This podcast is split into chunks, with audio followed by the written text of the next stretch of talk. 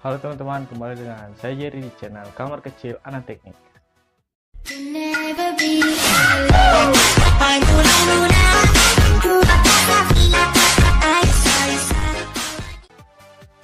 Jadi pernahkah teman-teman merasa lebih muda daripada usia asli teman-teman?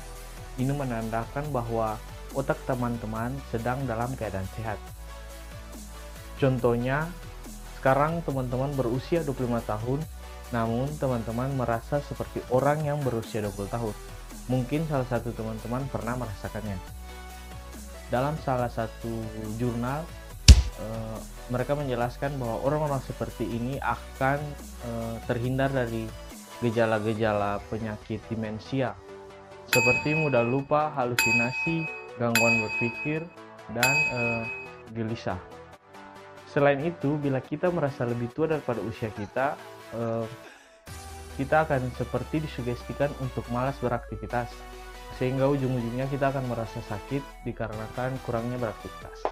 Namun ketika kita merasa lebih muda daripada usia kita, kita akan merasa lebih mampu melakukan aktivitas-aktivitas yang banyak dan juga padat. Misalnya, eh, mampu melakukan kegiatan olahraga yang rutin dan lain-lain. Sehingga kita tidak memiliki rasa ingin membatasi aktivitas diri kita.